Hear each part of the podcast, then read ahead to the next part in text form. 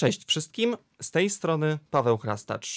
Dzisiaj zapraszam Was na rozmowę, która jest jedną z ulubionych, e, jeśli chodzi o to, jak e, bardzo duży wpływ e, może mieć jej przebieg na to, że w Waszym myśleniu może się pojawić jakaś może nowa odkryta część w Waszej psychice, może jakieś nowe przemyślenia, które rzeczywiście nie tylko nam samym, ale innym osobom, które nie zawsze mają tak lekko z dotarciem do studia, pomóc. I myślę, że dosłownie jeśli chodzi o nawet e, organizację, którą reprezentują dzisiejsze gościnie, które tak w otwarty sposób, mam nadzieję, przedstawił nam świat pewnej części z nas, myślę, że nie ma tutaj lepszego wyboru niż Stowarzyszenie Unrock na odblokowanie takich wielu dobrych kwestii, żeby żyło nam się wszystkim lepiej. Zatem gościmy dzisiaj w studiu dwie panie, panią Justynę Amroziak, prezeskę Stowarzyszenia Unrock. Dzień dobry oraz panią Agatę Jankiewicz, koordynatorkę do spraw edukacji i terapii w stowarzyszeniu. Dzień dobry. E, bardzo mi miło powitać Panie w studiu Radia Luz i tak jak już powiedziałem, mówiąc o odblokowywaniu szans, o odblokowywanie czego chodzi Stowarzyszeniu Unrock? Nasze stowarzyszenie, jak sama nazwa wskazuje, y, ma odblokować, ma za zadanie odblokować potencjał u dzieci. I dotyczy to przede wszystkim dzieci ze spektrum autyzmu. E, stowarzyszenie powstało e, w 2014-2015 roku jako organ prowadzący e, szkoły. Mm, aktualnie prowadzimy dwie szkoły: szkołę podstawową i szkołę branżową dla dzieci ze spektrum autyzmu, w których to szkołach właśnie staramy się realizować te cele statutowe, między innymi odblokowywać ten potencjał, który drzemie u dzieciaków. Pracujemy w specyficzny sposób. Nasze szkoły są prowadzone w nurcie głównie niedyrektywnym, aczkolwiek korzystamy z wielu, z wielu różnych modalności, kierując się dobrem dzieci. E, jeżeli chodzi o szkoły, mm, aktualnie mamy pod swoją opieką 40 dzieci. Mm, klasy są czteroosobowe, jeżeli jest konieczność, to są jeszcze mniejsze, na przykład dwuosobowe. E, dwie osoby, które pracują z dziećmi, nauczyciel i terapeuta wspierający, wspomagający. Tak, y, nie ma dzwonków w naszej szkole. Y, skupiamy się na tym, żeby stworzyć dzieciom, y, dzieciom i też osobom już dorosłym, bo, bo w szkole branżowej są osoby, które skończyły 18 lat, maksy- optymalne warunki do rozwoju i do tego właśnie, żeby mogły zacząć się uczyć, mogły chłonąć wiedzę i żeby miały jak najmniej ta- takich bodźców, które wiadomo, że osobom spektrum utrudniają przyswajanie wiedzy. To jeszcze teraz pytanie do pani Jankiewicz, tutaj z pani stanowiska. O jakich kwestiach y, właśnie trzeba myśleć, y, koordynując, planując y, tego typu edukację? Mhm. Z naszej perspektywy wynikającej nie tylko z tego, że jesteśmy terapeutkami. Ja już od ponad 30 lat zajmuję się terapią, edukacją dzieci z różnymi trudnościami, ale autyzmem też już dość dawno. 20 lat temu e, pojawił się na świecie mój syn autystyczny i gdzieś tam te ścieżki mi się spotkały. I to spowodowało pewną perspektywę w to, co jest najważniejsze w planowaniu E, w planowaniu organizacji środowiska, środowiska edukacyjnego, terapeutycznego, życiowego, jeżeli chodzi o odniesienie się do szkół, które tworzymy, to zależało nam na tym, żeby było to środowisko dostosowane do rzeczywistych potrzeb i możliwości dzieci ze spektrum autyzmu. gdzieś to nasze spojrzenie rodziło się poprzez doświadczenia, i to, o czym wspomniała już pani Justyna, jak te szkoły wyglądają, jak tworzymy je, to właśnie wynika z tego, że patrzymy głęboko w przyczyny, patrzymy, dlaczego dzieci się zachowują w taki, a nie inny sposób. Objawy zawsze komunikują, yy, zawsze są komunikatem, ważnym komunikatem. Wiemy o tym, że pojemność neurologiczna naszych uczniów jest mniejsza i największy problem osób z autyzmem polega na tym, że zaburzony jest układ percepcyjny, układy sensoryczne, czyli to przetwarzanie bodźców jest tym elementem, o który najbardziej autyści się potykają. My, tworząc to środowisko, bierzemy te elementy pod uwagę.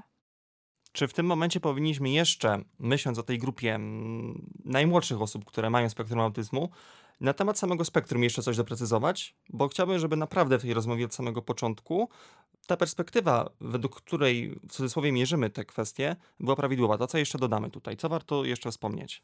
Ja bym powiedziała, że dla nas już w tym doświadczeniu dziewięcioletnim bardzo istotna jest diagnoza i jest wiele zaburzeń, problemów rozwojowych, które w jakimś powszechnym rozumieniu mają objawy wyglądające w, w, takim społecznym odbiorze na spektrum autyzmu, a nie są spektrum autyzmu.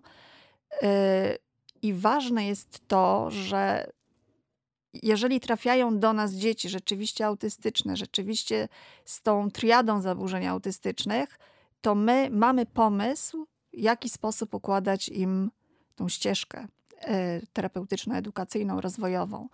Natomiast e, z naszych doświadczeń wynika, że zdarza się, że ta diagnoza nie jest trafnie postawiona i z tego wynikają problemy.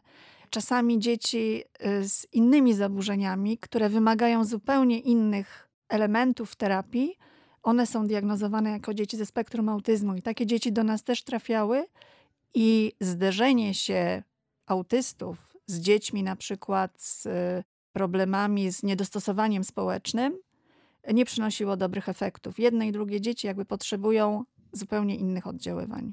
Czyli tutaj na tej rozmowie nie możemy tego tematu skończyć, bo tych różnych ścieżek, różnych sytuacji, które są takimi algorytmami rozwoju, jest po prostu ileś, tak? Nie ma jakiejś jednej skutecznej odpowiedzi. Absolutnie tak. My stosujemy, jak pani Justyna powiedziała, niedyrektywne mamy podejście. E, ono oparte jest o naszą znajomość neurobiologii, I oto dzisiaj już można powiedzieć, że w tej niedyrektywności, w, te, w tej modalności naszej tutaj jakby metody unlock mamy duże, e, duże postępy, widzimy duże postępy u większości dzieci. Mhm. Nie u wszystkich dzieci. Ale zdarzają się dzieci, które wymagają ścieżek behawioralnych, metod behawioralnych i my również e, takim uczniom jakby serwujemy ten rodzaj terapii.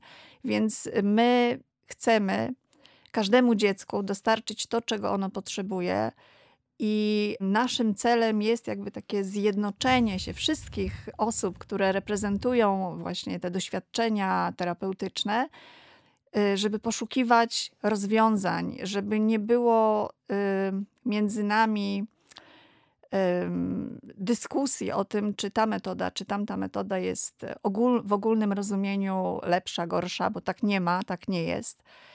E, tylko każde dziecko może potrzebować zupełnie innego wpływu i wielką wartością jest poznanie jak największych, jak największej ilości tych oddziaływań terapeutycznych, jak, naj, jak najwięcej e, czym więcej wiemy o autyzmie, czym więcej znamy tych metod, tym większy mamy repertuar możliwości. I możemy to rzeczywiście dostroić do potrzeb dziecka. I to jest takie ważne dla nas. Mhm. To właśnie rozwiniemy, ale najpierw skończmy rzeczywiście ten, powiedzmy, wstęp e, bardziej teoretyczny. O jakiej grupie w tym, jak chwilę temu mówiliśmy, rzeczywistym e, spektrum autyzmu mm, się poruszamy? Według danych Światowej Organizacji Zdrowia, aktualnie w Europie czy w ogóle na świecie, tak bardzo orientacyjnie, już jedno dziecko na 100 ma diagnozę autyzmu. Mm, w latach 80. Y, to było jedno na 2000, jedno na 5000, jedno na 10, więc to lawinowo rośnie. E, Stany Zjednoczone mają troszkę dokładniejsze statystyki. E, I tutaj e, wiemy, że tam mm, na podstawie takich raportów, które co dwa lata są aktualizowane na podstawie eduk dokumentacji edukacyjnej i zdrowotnej dzieci ośmioletnich w 11 stanach, już jedno na 36 dzieci ma autyzm. I to na przykład w porównaniu do 2000 roku to jest o 500% wzrost diagnoz autyzmu. Wtedy było chyba jedno dziecko na 150 i później to tak lawinowo rosło. To są naprawdę przerażające, dramatyczne statystyki. Więc to tyle, jeżeli chodzi o liczby. W Polsce ciężko to określić, dlatego że tutaj no możemy troszkę się sugerować tym, co Narodowy Fundusz Zdrowia zbiera, co poradnie y, psychologiczno-pedagogiczne, ile orzeczeń jest wydawanych. To, to też tutaj za, zanotowano zarówno y, w takich orzeczeń o niepełnosprawności, jak i orzeczeń o potrzebie kształcenia specjalnego. Za, zanotowano wielokrotny wzrost. Już teraz nie chcę, y, nie chcę z pamięci tutaj y, mówić, ale około chyba pięciokrotny od 2014 y, roku. Z tego, co mhm. pamiętam. Tak, tylko tu jeszcze chciałem wspomnieć o jednej kwestii mhm. i liczę, że tutaj rzeczywiście damy radę z tego dobrze wybrnąć, bo zakładam się, że się zgodzimy, że trzeba o tym wspomnieć, bo stety, niestety i z kwestii samych badań, też samego początku rozwoju nauki w tej kwestii, co przenikło do społeczeństwa często w przekonaniach, no, temat spektrum autyzmu był głównie omawiany w kontekście chłopców, mężczyzn. O, o dziewczynkach, kobietach się nie mówiło w tym kontekście. Tak, faktycznie. No, ze statystyk wynika, że częściej autyzm dotyka chłopców, aczkolwiek y, w moim przypadku, w przypadku mojej córy, mm, jest tutaj wyjątek od reguły. Tak? Oczywiście dziewczynki też, y, też dotyka autyzm. Mm, moja córa w wieku dwóch lat y, otrzymała diagnozę autyzmu. Więc no, statystycznie, faktycznie, ale w praktyce yy, znam dużo dziewczynek, które yy, mają autyzm. Nie wiem szczerze mówiąc, jak to liczbowo wygląda. Tak, ale musimy o tym pamiętać, że absolutnie nie powinniśmy patrzeć na płeć y, danego dziecka czy danej osoby. Tu chodzi po prostu o sposób jej funkcjonowania, o jej potrzeby. To jest najważniejsze. Tak, absolutnie. Więc przechodząc dalej, jeszcze jedną kwestię tutaj może z panią Syną to jeszcze potwierdzimy. Szalenie to jest istotne w kwestii właśnie spektrum autyzmu, że potrzeby, które też się mogą zmieniać w czasie dzieciństwa czy życia y, takich osób, są różne. I jak o tej różności teraz dobrze powiedzieć? No i potem wejdziemy właśnie w kontekst y, tutaj y, państwa metod. Potrzeby są bardzo różne, aczkolwiek y, ciężko nam cokolwiek wywnioskować, jeżeli nie ma komunikacji. I tutaj to jest taki temat numer jeden u nas w stowarzyszeniu, y, komunikacja alternatywna i wspomagająca. Y, po prostu jeżeli dziecko nam nie powie w jakiś sposób, y, czy to jest gestem, czy słowem, czy pisząc, tak, czy, czy nawet wskazując obrazek, piktogram, no to bardzo niewiele wiemy na temat potrzeb tego dziecka. My aktualnie w stowarzyszeniu organizujemy bardzo dużo szkoleń na temat komunikacji alternatywnej i wspomagającej u nas też w szkole. I to jest taki cały duży obszar, który chcielibyśmy promować i mówić o tym. Teraz październik był miesiącem komunikacji AAC. Może rozwinę ten skrót, to jest e, Augmentative and Alternative Communication z angielskiego. I najpierw powiem troszkę tak ogólnie, co to w ogóle jest. Każdy, każdy człowiek, niezależnie od wieku, niezależnie od niepełnosprawności, ma prawo do komunikacji, bo komunikacja jest właśnie prawem, a nie przywilejem. No i to wynika z wielu dokumentów prawnych, z konwencji ONZ o osobach niepełnosprawnych. Tam jest wprost zapisane, e, mm, że, że człowiek ma prawo do informacji, do wolności wypowiedzi w różny sposób. Czy to jest język migowy, czy to jest alfabet Braille'a, czy to jest właśnie poprzez piktogramy, czy przez jakikolwiek inny sposób komunikacji.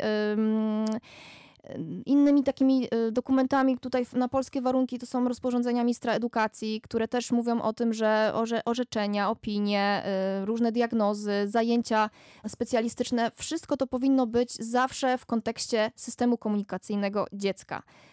Tutaj szczególnie to dotyczy dzieci niewerbalnych, tak? Więc y, takie dziecko powinno przychodzić na takie zajęcia z książeczką, z już przygotowaną przez terapeutów czy przez rodziców, gdzie może zakomunikować swoje podstawowe potrzeby. Komunikacja alternatywna i wspomagająca dzieli się właśnie na takie dwie części. Pierwsza to jest ta wspomagająca, czyli to jest y, dodanie do naszego komunikatu, najczęściej słownego, jakiegoś dodatkowej informacji, dodatkowego na przykład przykładowo gestu, czy obrazka, czy słowa, y, żeby wzmocnić ten komunikat, żeby on się stał bardziej zrozumiały. W przypadku dzieci, które są w ciągłym stresie, w permanentnym stresie, tak jak dzieci z autyzmem, to jest bardzo dla nich y, wtedy ułatwienie i te dzieci mogą się uczyć komunikacji. I też o tym często wspominam, że narosło tutaj wiel, wiele mitów na ten temat. Rodzice y, małych dzieci, które mają zaburzenia mowy, nie, opóźniony rozwój mowy, czy rodzice dzieci z autyzmem, y, niewerbalnych dzieci, bardzo się obawiają często wprowadzić tej komunikacji.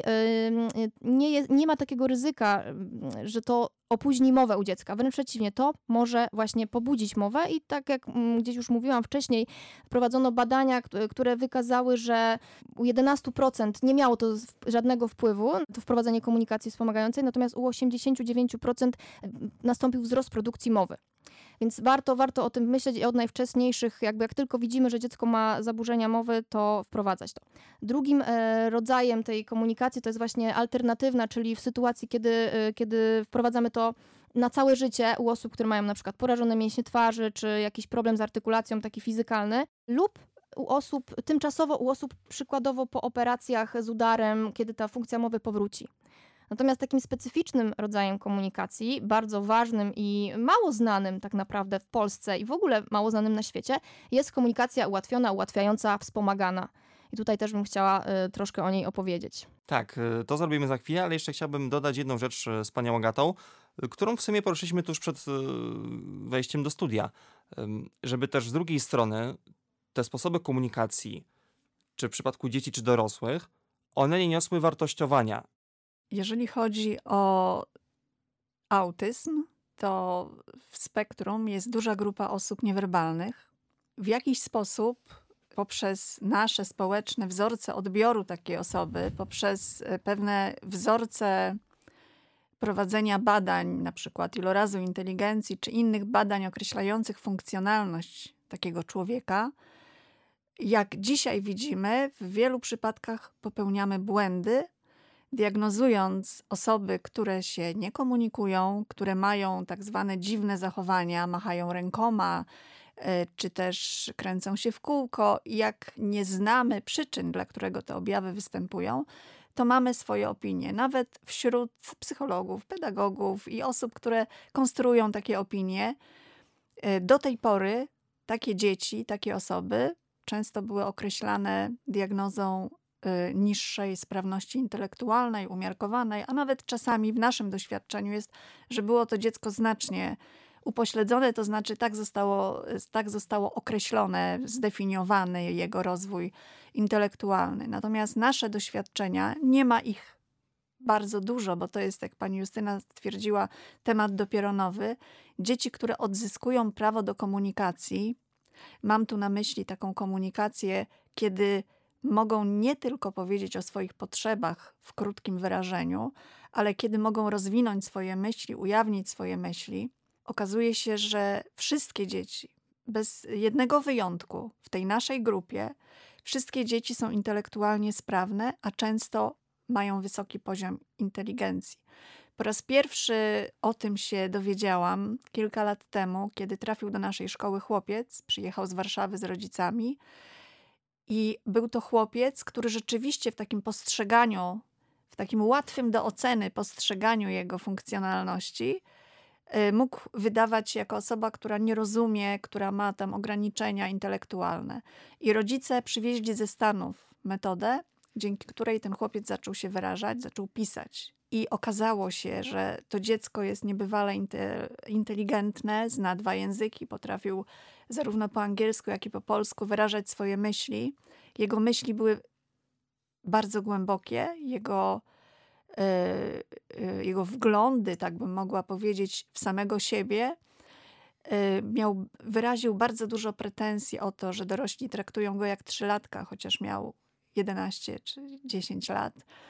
I te nasze dzieci, jak się budzą do komunikacji, bardzo często mówią o swoim nastroju, o tym, jak im jest ciężko, ponieważ traktowane są przez inne osoby, często przez rodziców, nauczycieli, najbliższe otoczenie, jak osoby młodsze, jak osoby niepełnosprawne intelektualnie i Dziś wiemy, że właśnie to tak podkreśliłam na początku, że autyzm to zaburzenia sensoryczne, nie intelektualne, nie poznawcze.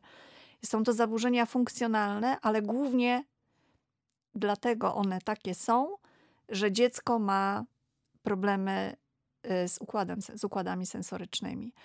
I dzisiaj chcemy o tym mówić, żeby świadomość podniosła się, żeby nasze dzieci, jak dorosną, jak nas zabraknie rodziców, żeby nie trafiały do miejsc, do których nie muszą trafiać. To są istoty, o dużym potencjale. Adam Siłkowski, mogę powiedzieć, ponieważ napisał książkę i ta książka jest upubliczniona, napisał książkę o swoich odczuciach, bardzo dojrzałą, taką otwierającą świadomość społeczeństwa.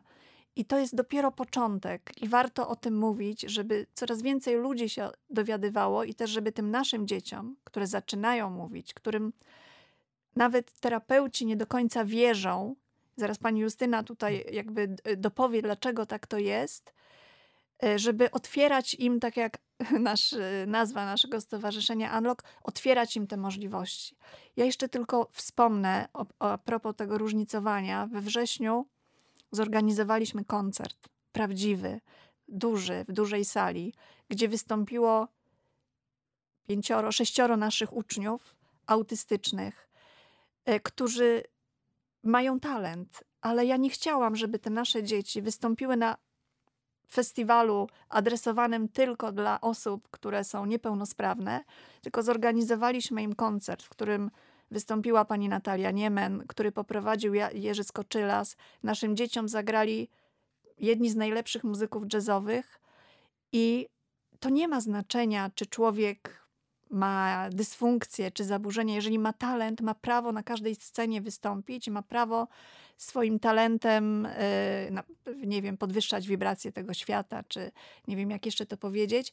Nasze dzieci w tym doświadczeniu to było też takie terapeutyczne dla nich. Wcześniej nie zauważyliśmy, żeby one się przytulały, żeby sobie, żeby wchodziły w te relacje społeczne, a podczas koncertu koncert poprzedziło nagranie płyty e, w profesjonalnym studiu, też z profesjonalnymi muzykami i one były już na to gotowe. Mimo tej ilości bodźców, to były bardzo długie przygotowania i one gratulowały sobie nawzajem, przytulały się, była interakcja między nimi, nie było rywalizacji. To było bardzo takie wzniosłe, piękne doświadczenie, ale chcę powiedzieć o tym, że to, jak my postrzegamy człowieka poprzez naszą świadomość, która często jest ograniczona, to nie zawsze jest prawdziwy obraz drugiego człowieka. Dlatego ja mam takie trochę może zaskakujące pytanie do pani Justyny, ale czego tak naprawdę to wszystko panią nauczyło? te wszystkie historie, o których teraz mówimy i na pewno mnóstwo innych, o których by trzeba było rozmawiać chyba cały wieczór w naszym studiu. Co to, co to dało? Że nie można wierzyć temu, co się widzi na zewnątrz. Nie można oceniać człowieka, niezależnie czy jest niepełnosprawny, czy nie, po zachowaniu, po wyglądzie, czy po jakichś właśnie reakcjach, odruchach. Tylko y, jako mama na przykład nauczyło mnie to, żeby wierzyć swojej intuicji, swojej wierze w to, że to dziecko w środku tam jest, y, jest y, inteligentne, jest mądre, jest ambitne. Nie, nie, mówię tylko o swoim dziecku, ale na każdym kroku właśnie doświadczamy tych przykładów, że to dotyczy wielu dzieci. Wielu dzieci w spektrum, większości powiedziałabym nawet, tak? Y, żeby po prostu poruszać się troszkę poprzez wiarę. Tego mnie na pewno to nauczyło. Nie na takich nama namacalnych dowodach, tylko po prostu y, robić wszystko, żeby to, y, no tak jak powiedziałam, uwolnić ten potencjał u dzieci. Tak? To jest nasza wizja, nasz cel, nasza misja. Tak, y, jeżeli chodzi o mm, tą książkę, to tylko dopowiem, że książka nazywa się Oczami Autysty i można sobie wejść na stronę oczamiautysty.pl i tam przeczytać historię Adama, zobaczyć też jak on pisze, jak on się komunikuje. I tutaj, y, jak się okazuje, to nie jest jedyny chłopiec, który napisał książkę, bo na świecie na naszej stronie unlockwrocław.pl też są przykłady dzieci y, czy dorosłych już osób spektrum niewerbalnych, które napisały książki. No i my też mamy w planach y, różne, różne właśnie sprawy związane z y, książkami, pisaniem książek przez dzieci. Mnie nauczyło to też to, że właśnie tak jak pani Agata powiedziała, większość dzieci niewerbalnych, nam się wydaje, że ten komunikat do nich nie dociera, tak? Bo po prostu ich mimika jest y, nieadekwatna, ich wyraz twarzy jest nieadekwatny, gdzieś kontakt wzrokowy, nie ma tego kontaktu. Natomiast tak naprawdę z badań też to wynika, że te osoby one nie mają zaburzonych tych funkcji poznawczych, tylko właśnie mają zaburzone te reakcje. Dlatego nas to często wprowadza w błąd. Y, te osoby smucą się, one, one się cieszą, tylko wewnętrznie, nie mogą tego jakby uzewnętrznić. One formują myśli, słowa, zdania całe, um, tylko nie mogą ich, w głowie formują, nie mogą ich wypowiedzieć. Moja córa po tym, jak po 13 latach życia zaczęła się w końcu komunikować, to, to właśnie zaczęła bardzo często pisać o tym, że cały czas jest ze swoimi myślami, że nie wie, co z nimi zrobić, że one ją bombardują. Po prostu ja y, jako rodzic też bardzo to przeżywałam i, i, i no to było takie bardzo silne doświadczenie, nawet troszkę traumatyczne dla mnie, że to dziecko po prostu, ono tam w środku tyle czasu było. Ono, ona wszystko pamięta, pamięta każdy nasz wyjazd, pamięta y, każdą, y, każde nasze takie zdarzenie z życia, tak? Y, gdzieś rodzic y, osoby w spektrum y, mając tą intuicję, nawet może mieć czasami takie wątpliwości, tak, na ile to dziecko tam w środku jest. Natomiast tutaj po prostu to, co się zadziało y, z moim dzieckiem, czy z innymi dziećmi, które się właśnie budzą, tak jak pani Agata mówi, obala wszelkie stereotypy i wszelkie mity na temat autyzmu. Mi się tutaj nasuwa taka ewidentna analogia radiowa, że tak jak to działa, nie wiem, od jakichś 100 lat. Mamy dwie strony. Mamy nadajnik, który wysyła konkretne fale, prawda? Ale żeby je odebrać, prawda, trzeba to zrobić w sposób prawidłowy. I na przykład nadajnik może to nadawać i te fale są ok, tak jak te osoby, te dzieci, o których mówimy, ale jeśli dopiero dostroimy dobrze odbiornik, czyli na przykład nas, rodziców, nas, e, osoby w społeczeństwie, na konkretną częstotliwość, gdzie my odczytamy prawidłowo te fale, to dopiero wtedy, prawda, ten komunikat, ten sygnał się pojawia. To jest chyba dokładnie to samo, o czym właśnie rozmawiamy. Tak, bardzo, bardzo trafne tutaj porównanie, trafna tak. analogia. Te osoby mhm. nie są jakimś e, złym radiem, one nadają prawidłowo, tylko trzeba w odpowiedni sposób odebrać ich sygnały. Tak, Ładnie. tak. Teraz powiedzmy więcej o tym, jak e, właśnie umożliwić odbiór tych wszystkich sygnałów, czyli jaką tutaj konkretnie metodę mm, komunikacji alternatywnej e, w przypadku Unlock stosujemy, żeby już więcej tych szczegółów i przykładów podać mhm. już z takiej powiedzmy praktycznej strony tematu. Mhm. My oczywiście korzystamy z całego wachlarza tej komunikacji AAC, czyli to jest y, szereg działań, strategii, technik, które się wprowadza u dziecka, żeby umożliwić mu rozwój języka, ekspresję tego języka, nabywanie go, wyrażanie siebie, swoich y, jakby odczuć, potrzeb i, i myśli. I tak jak powiedziałam, to są naprawdę różne, różne interwencje, począwszy od gestów, nauki gestów, piktogramów, słów. Y. Natomiast dążymy do tego docelowo, żeby to dziecko umiało czytać i pisać. Często te dzieci nas zaskakują i właśnie po y, wielu latach okazuje się, że one po prostu umią, umieją czytać, umieją pisać, bo po prostu świat nas bombarduje, tak? Zrobiono chyba jakieś badania, że y, dzieci, które na przykład nie chodziłyby do szkoły, takie y, dzieci neurotypowe, też czy, prędzej czy później nauczyłyby się pisać, ponieważ nas bombardują, tak? Billboardy y, z każdej strony, reklamy i tak dalej. Więc tak samo y, dzieci z autyzmem też y, uczą się w pewien specyficzny sposób. E, I tutaj ta metoda, o której, o której chciałabym powiedzieć, y, została ona wynaleziona, wymyślona przez terapeutkę y, osób z, z porażeniem mózgowym gdzieś w latach 70., 80. w Australii, w Melbourne. Natomiast później okazało się, że równie dobrze może być stosowana u osób ze spektrum. I to też był taki pierwszy krok do obalenia tego stereotypu, że osoby w spektrum są osobami upośledzonymi umysłowo, właśnie w, intelektualnie upośledzonymi ta metoda, ona. Tutaj trzeba zrozumieć specyfikę autyzmu, że właśnie e, osoby w spektrum bardzo często mają problem, różnego rodzaju problemy, na przykład z poczuciem swojego ciała w przestrzeni, y, ze schematem swojego ciała, tak?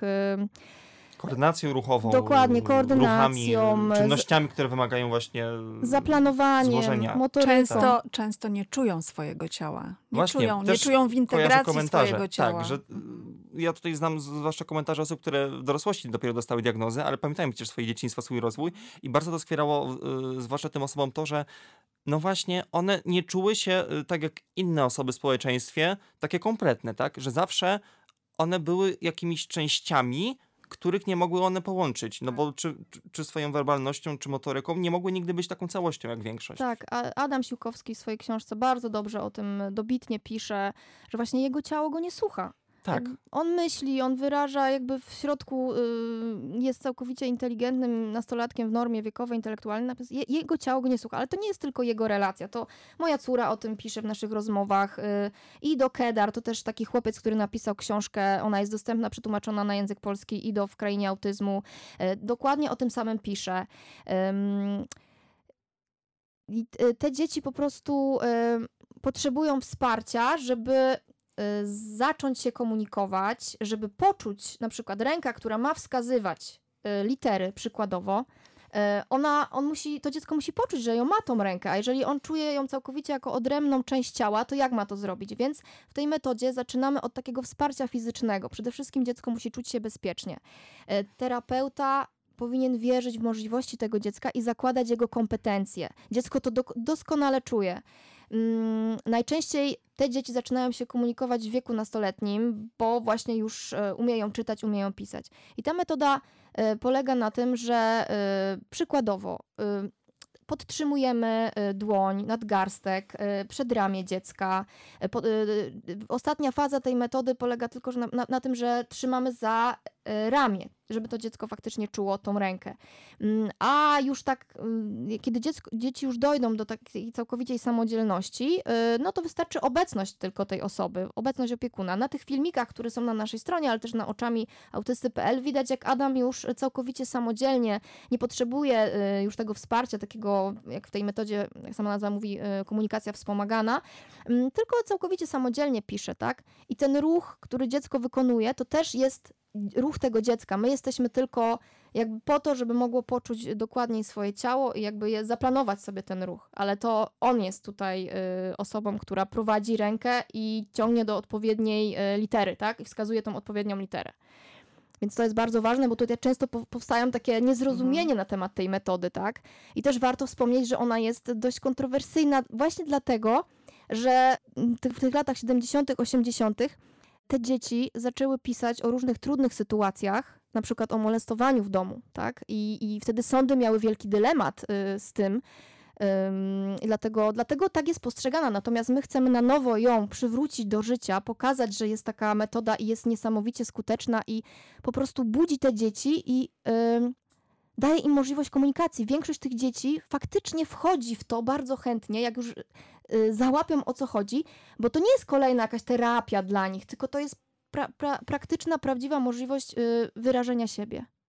Tak, tutaj mhm. mi się kojarzy, że tak jak mówiliśmy o prawie do komunikacji, do bycia y, jednostką, to też te osoby muszą, właśnie mówię, muszą mieć, będąc na równi w takim wypadku, prawo do tego, żeby mieć też narzędzia, które pomogą im być gotowym na, na niestety czasem te trudniejsze kawałki, żeby właśnie na przykład być y, możliwie odpornym na przemoc, tak? Żeby móc formułować swoje granice, stosować je, dogadywać się co do granic też drugich osób, bo też jest jedno y, często mylone pojęcie wokół spektrum autyzmu, że to są osoby, które no właśnie mogą mieć problem z granicą, z wyznaczaniem granic, z empatią, że, że nie będą rozumiały innych osób, że nie będą nigdy tak czułe jak w cudzysłowie większość, nie będą takie w cudzysłowie zdatne do współżycia społecznego. Ja mówię tutaj dość mocnymi słowami, ale ja naprawdę to słyszę od osób autystycznych, że tak, tak to jest, że takie mają problemy. Nie wiadomo, kto powie, więc wszyscy jesteśmy zgodni. Tak, tu jesteśmy zgodni. Tak, dokładnie. Więc y, jeśli chodzi o jeszcze jedno pytanie, które mi chwilę temu wpadło do głowy. Skoro właśnie mówimy o komunikacji ze strony tych osób, to czy da się w jakiś sposób troszeczkę wyobrazić, żeby właśnie osoby, które nas słuchają, miały tego jakiś przedsmak? Co, co rzeczywiście ze strony tych dzieci właśnie się pojawia i, i, i, co, i co się właśnie widzi, słyszy, czuje od tych osób? To w nich zmienia, nie tylko jeśli chodzi o komunikację, bo mieliśmy też wspomnieć w tej rozmowie, że to jest odblokowanie e, szans na dalszy rozwój właśnie dzięki tej metodzie, jeśli rzeczywiście w tym przypadku jest e, skuteczna. Dzieci mm, różnie reagują, tak? Mm, znam też przypadki osób z literatury, które zaczęły się komunikować już bardzo, znaczy bardzo późnym wieku, w sensie w wieku dorosłym takim.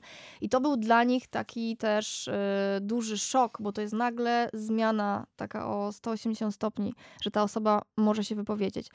Chłopcy, których znam, y, właśnie tak jak pani Agata wcześniej powiedziała, reagowali takim frustracją na to, jak traktowali, traktowało ich otoczenie, czy to rodzice, czy, czy nauczyciele, czy terapeuci. Y, I musieli tą frustrację najpierw uzewnętrznić, żeby później móc zacząć normalnie się komunikować i pisać o innych rzeczach i też uczyć się. No, dzieci zaczynają się uczyć, tak? Czyli y, nie jest to już kreślenie ósemek w nieskończoność, czy jakieś, jakieś takie zadania, które nie są na ich poziomie intelektualnym, wiekowym, tylko dzieci komunikują, że na przykład Tutaj przykłady naszego y, chłopca, takiego znajomego, który w Legnicy się komunikuje, czy mojej córy, że oni się interesują na przykład kosmosem, czy raf, rafami koralowymi, czy w ogóle oceanem i o tym by się chciały uczyć, tak? Nagle się otwiera szeroki taki wachlarz różnych możliwości i, i, pod, i jakby y, możliwość realizowania no, pra, prawdziwej edukacji z takim dzieckiem. Tak. Te dzieci mogą uczęszczać do liceum, mimo tego, że wcześniej takich szans nie było. Skoro dziecko nie mówi, to jak mogło uczęszczać do liceum? A Kuba z Legnicy, y, syn naszej koleżanki, która stworzyła właśnie podobną szkołę w Legnicy, uczęszcza do liceum. Także otwierają im się absolutnie możliwości, które wcześniej. Y, no, Adam też, Adam też uczęszcza do liceum, które wcześniej były dla nich niedostępne. W tej rozmowie jest pełno takich ale, ale, ale i przejdziemy do kolejnego z nich. O tym wszystkim naprawdę bardzo dobrze nam się tutaj udało e, w tej części porozmawiać, ale mówiłem, że będą ale.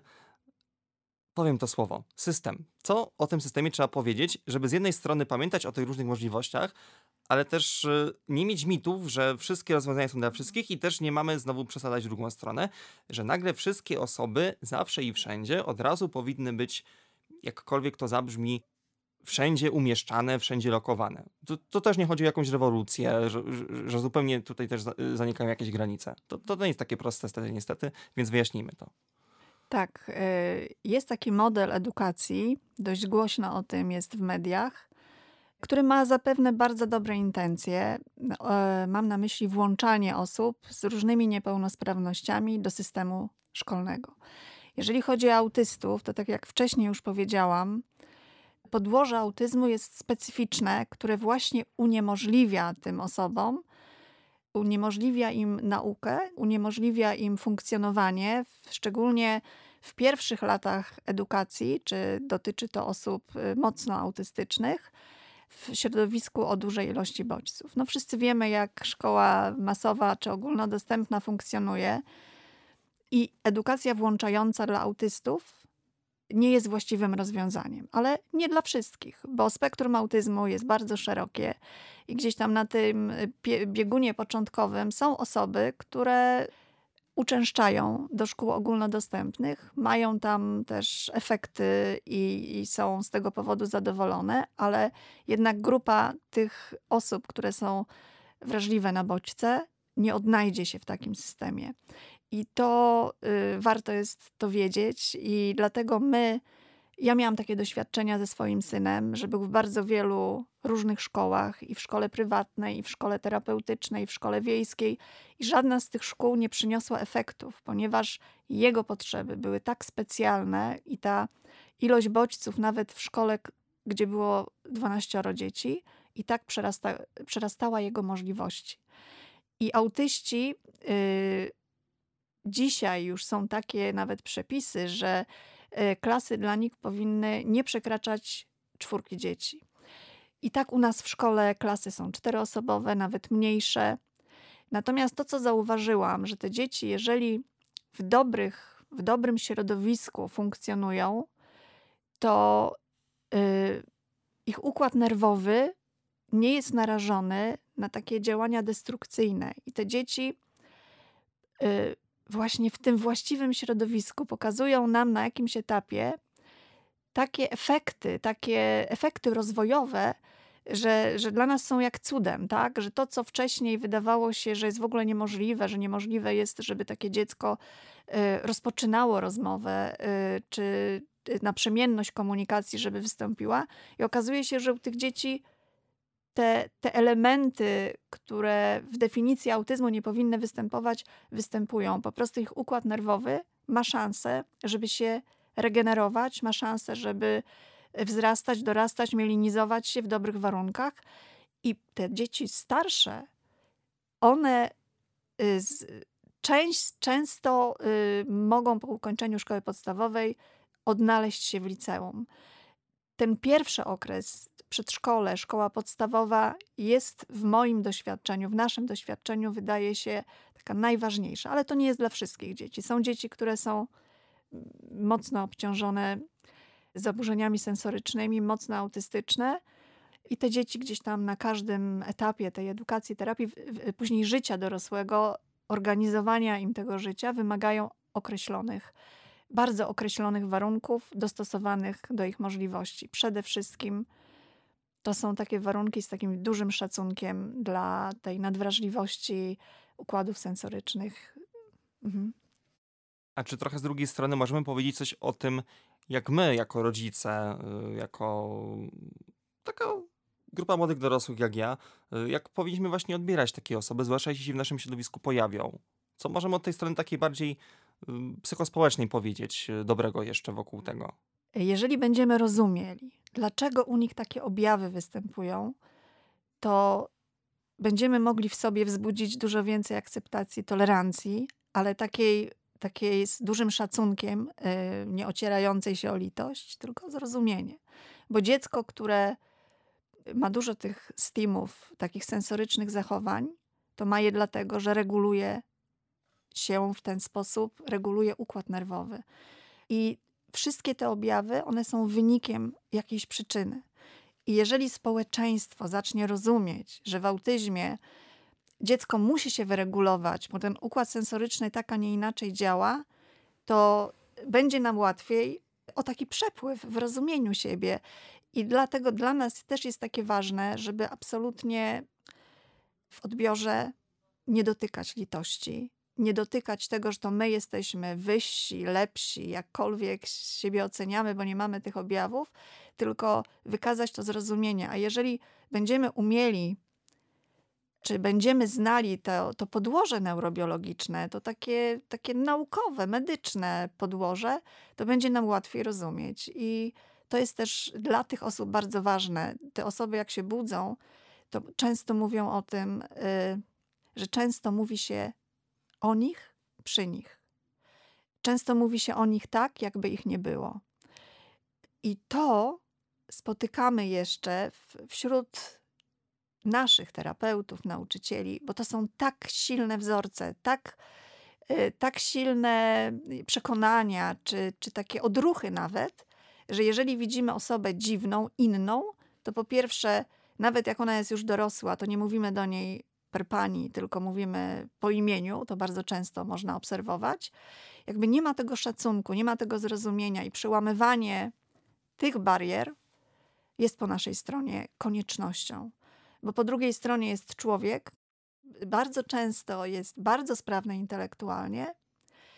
Osoby autystyczne często kompensacyjnie są jeszcze wyżej sprawnie sprawne intelektualnie, czy mają takie, takie też kompensacyjnie często, ale mają dużo zdolności. Więc, żeby zrozumieć, kto stoi po tej drugiej stronie, warto zwiększać tą świadomość. Też nasza wizyta tutaj u Pana, ona ma taki cel, bo czym więcej będziemy wiedzieć, tym będziemy mieć większą elastyczność i większą, y, większą taką otwartość zdrową otwartość na drugą osobę i większą taką tolerancję na to, żeby zrozumieć objawy tej drugiej strony. Mhm. Mhm. Więc tylko wypada dopytać pani Justyny, czy naprawdę takie są intencje też tej wizyty, że naprawdę o to chodziło, o taką szczerą, zdrową otwartość, którą chcieliśmy tutaj przekazać. Tak, dokładnie o to chodziło. To jest nasz cel. Z tym, z taką wizją działamy już od, od wielu lat.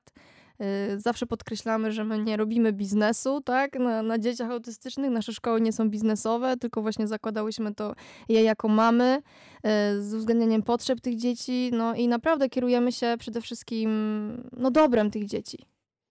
I dlatego wokół samego tutaj zaproszenia mm, pań do Radia Luz e, nie da się też ominąć e, właśnie tych pomocowych kwestii, które stowarzyszenie organizuje. No i tutaj od razu jest tam informacja, że też na przykład rodzice osób w tej grupie, dzieci na spektrum autyzmu, mogą od strony stowarzyszenia uzyskać pomoc, na przykład prawną. To by się zgadzało? Tak, tak. Mamy prawnika, który działa u nas wolontaryjnie. Oczywiście można, można korzystać z jego usług, e, ale też warto wspomnieć e, o wolontariacie, bo e, zbieramy, szukamy chętnych wolontariuszy, którzy będą chcieli zostać mentorami i przyjaciółmi, tak? I znajomymi jakby naszych uczniów szkolnych Mm, tutaj podam bardzo, bardzo fajny przykład, też znowu mojej córy. Do czego nas doprowadziła komunikacja, bo to jest cała taka ścieżka. Y, dziecko, jak zaczęło się komunikować, wyraziło swoje potrzeby, że bardzo chciałoby mieć y, neurotypową mm, koleżankę, tak? I zgłosiła się do naszego stowarzyszenia studentka psychologii. Przy okazji pozdrawiamy cię, Natalio, jeżeli nas słuchasz, która właśnie no, zapragnęła zbudować relację z moją niewerbalną córą.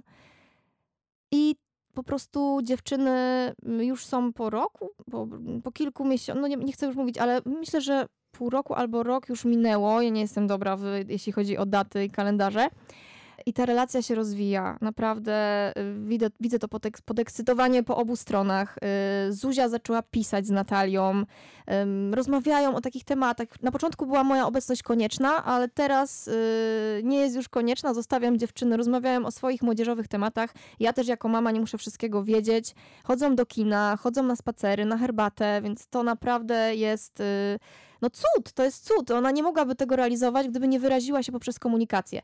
I takich e, rodziców, e, jak u nas, takich właśnie wolontariuszy mamy kilkoro. Oczywiście zachęcamy tutaj, to jest radio Politechniki, więc jest wielu młodych słuchaczy. Zachęcamy wszystkich, którzy chcieliby w ten sposób właśnie nas wesprzeć do zgłoszenia się, do napisania maila, czy, czy też telefonu. E, właśnie szukamy chętnych ludzi o otwartym sercu, którzy chcieliby budować z nami tą przyszłość dzieciaków i też ich teraźniejszość, bo to głównie chodzi o to, żeby się spotykać teraz i, i budować te relacje.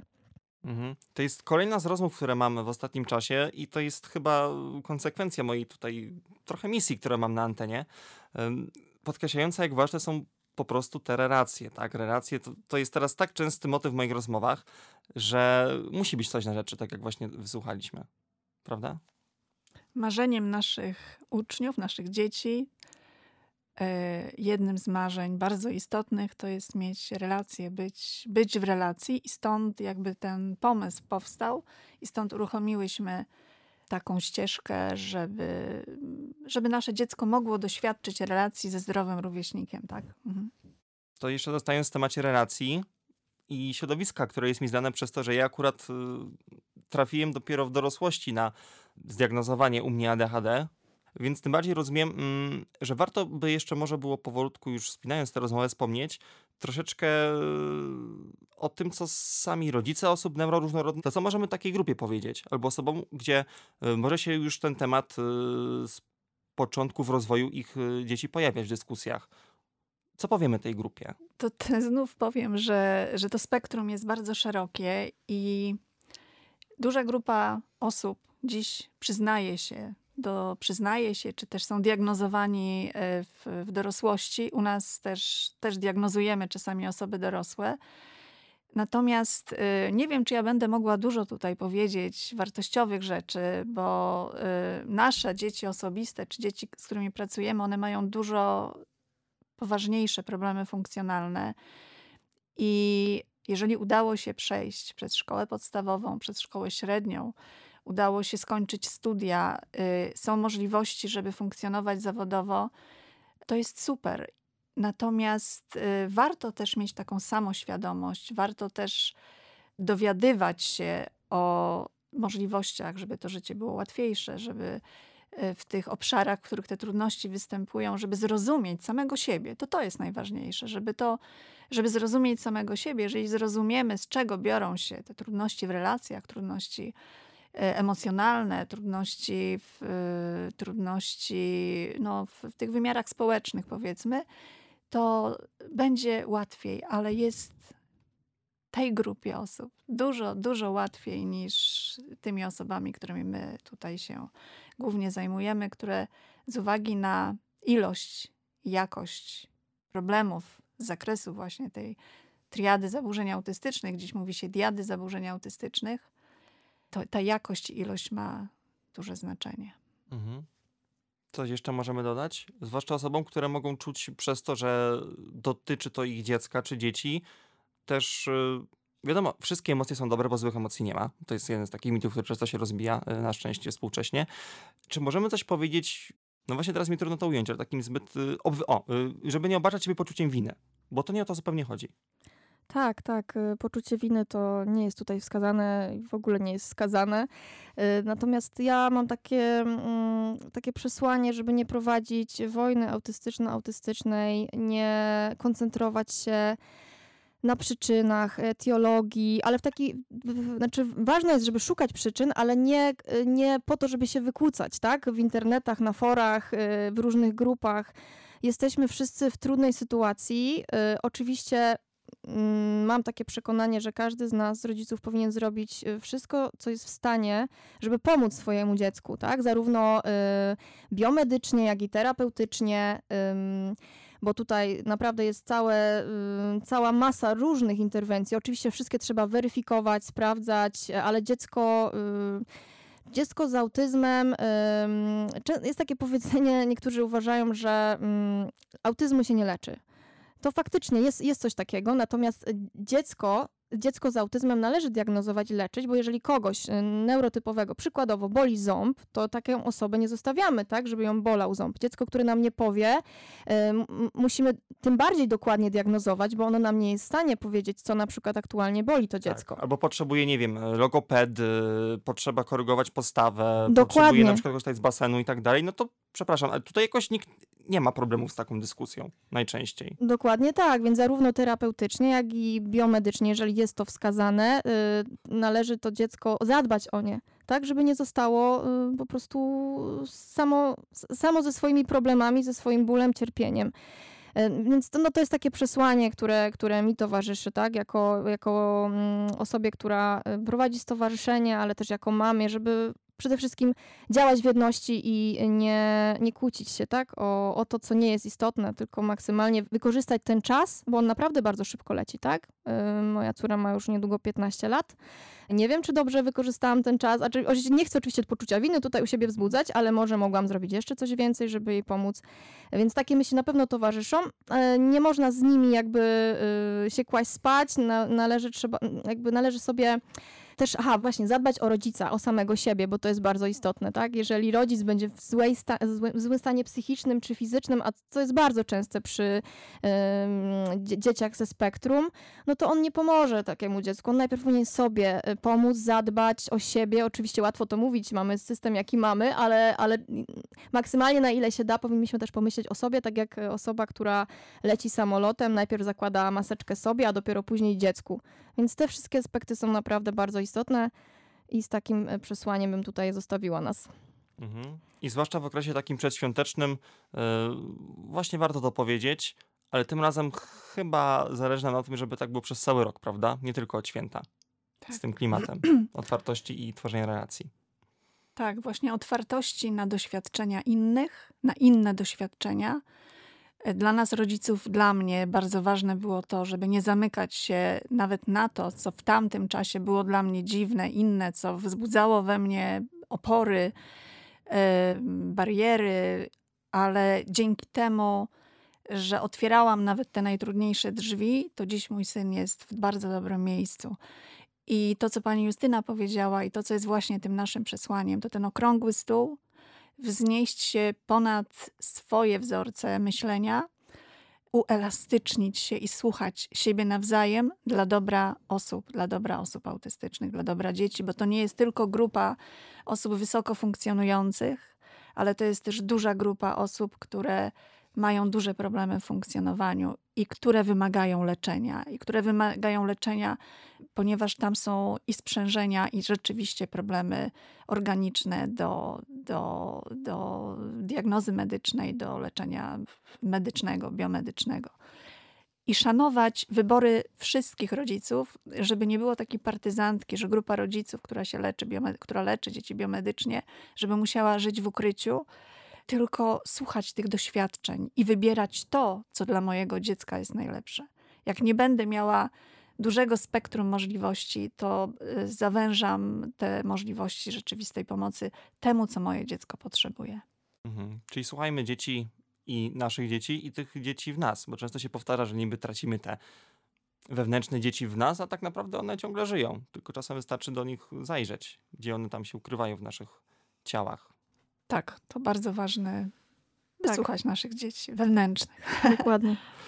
Więc y, z takim przesłaniem y, wysłuchania siebie, wysłuchania innych, y, bardzo miło jest mi podziękować paniom za wizytę w Radilus i mam nadzieję, że właśnie takie środowisko akademickie, otwarte, rzeczywiście okazało się strzałem dziesiątkę i zakładam, że zwłaszcza w gronie tutaj, gdzie są wśród nas przyszli rodzice, czy już obecni rodzice, takich już pozdrawiamy w tej chwili serdecznie, żebyśmy wszyscy, wszystkie naprawdę się otworzyli dzięki tej rozmowie, tak jak nazwa Stowarzyszenia Unlock e, nam to sugeruje. I tak otwierającymi na innych e, były dzisiaj w studiu Justyna Ambroziak, prezeska stowarzyszenia. Dziękuję serdecznie. Dziękuję bardzo. Oraz e, Agata Jankiewicz, koordynatorka do spraw edukacji i terapii w stowarzyszeniu. Też równie pięknie dziękuję. Dziękuję bardzo. I wszystkim, którzy, które wysłuchali tej rozmowy po drugiej stronie, tym bardziej udanej końcówki roku. I pamiętajcie, że w Radiu Luz nie tylko ja, ale wszyscy, wszystkie staramy się właśnie o maksymalizację takiej otwartości yy, na antenie dla wszystkich.